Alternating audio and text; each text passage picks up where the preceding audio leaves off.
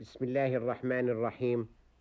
وصلى الله وسلم على سيدنا محمد وآله وصحبه أجمعين. مستمعي الكرام السلام عليكم ورحمة الله وبركاته.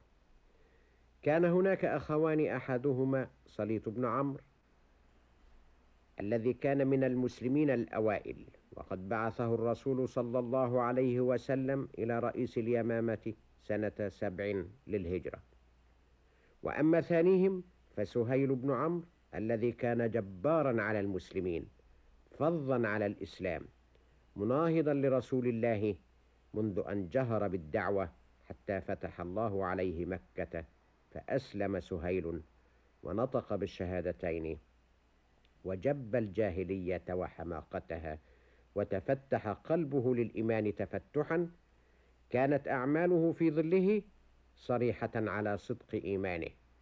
وحسبه أنه ثبت قريشا على الإسلام لما مات الرسول عليه السلام وقال لهم لا تكونوا آخر من أسلم وأول من ارتد. حارب سهيل المسلمين في بدر وكان أحد أشراف قريش الذين قادوا الشرك يوم ذاك.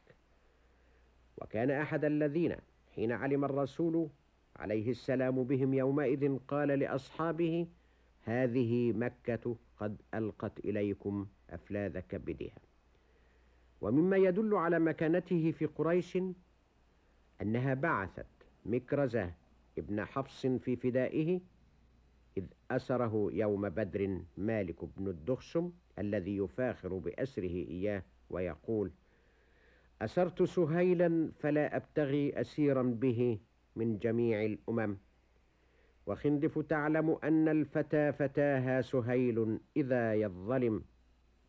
ضربت بذي الشفر حتى انثنى وأكرهت نفسي على ذا العلم. ثم جعل مكرز نفسه مكانه وخلى المسلمون سبيل سهيل حتى تبعث قريش فداءه فقال مكرز في ذلك رهنت يدي والمال أيسر من يدي علي.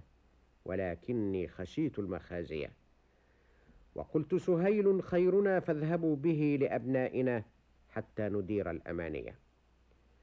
وفي هذا الموقف سأل عمرو الرسول عليه السلام أن يأذن له أن يخلع ثنيتي سهيل ويستل لسانه حتى لا يقوم خطيبا عليه في موطن من المواطن. فنهاه نبي الرحمة عن ذلك قائلا لا أمثل به فيمثل الله بي وإن كنت نبيا. إنه عسى أن يقوم مقاما لا تذمه يا عمر. وصدق الرسول صلى الله عليه وسلم فقد آمن بعد ذلك سهيل ليكون في ركب المجاهدين.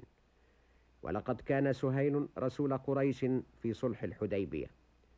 وكان في قلبه يوم ذاك حمية الجاهلية. كما نعته القرآن الكريم بذلك هو ومن معه من المشركين. هذا هو سهيل أو بعض سهيل في غيه وجاهليته. فلما كان يوم الفتح ودخل الرسول عليه السلام مكة وجاءه نصر من الله عظيم وأصبح الأمر كله في يديه خاف سهيل وفي ذلك يقول اقتحمت بيتي وأغلقت علي بابي وأرسلت ابني عبد الله بن سهيل أن اطلب لي جوارا من محمد صلى الله عليه وسلم فإني لا آمن أن أقتل. فذهب ابنه إلى الرسول الكريم وقال له يا رسول الله أبي أتؤمنه؟ قال نعم هو آمن بأمان الله فليظهر. ثم إن الرسول عليه أفضل الصلاة والسلام التفت لمن حوله في هذه اللحظة وقال من لقي منكم سهيلا فلا يشد إليه النظر وليخرج فلعمري إن سهيلا له عقل وشرف وما مثل سهيل جهل الإسلام. سمع ابنه هذا كله وأيقن أن أباه آمن ومن أصدق قولا من رسول الله وأكثر التزاما منه بالكلمة تنفرج عنها شفتاه. ثم مضى عبد الله إلى أبيه فأخبره بمقالة النبي عليه السلام فقال كان والله برا صغيرا وكبيرا.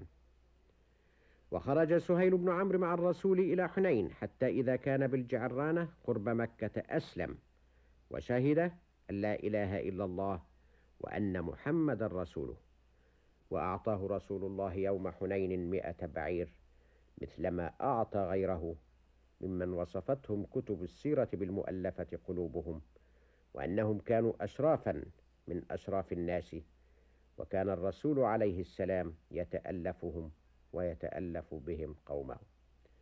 ومات سهيل بن عمرو مسلما وكتبت له النجاة من نار الشرك.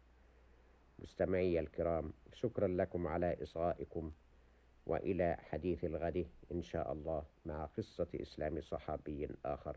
والسلام عليكم ورحمة الله وبركاته.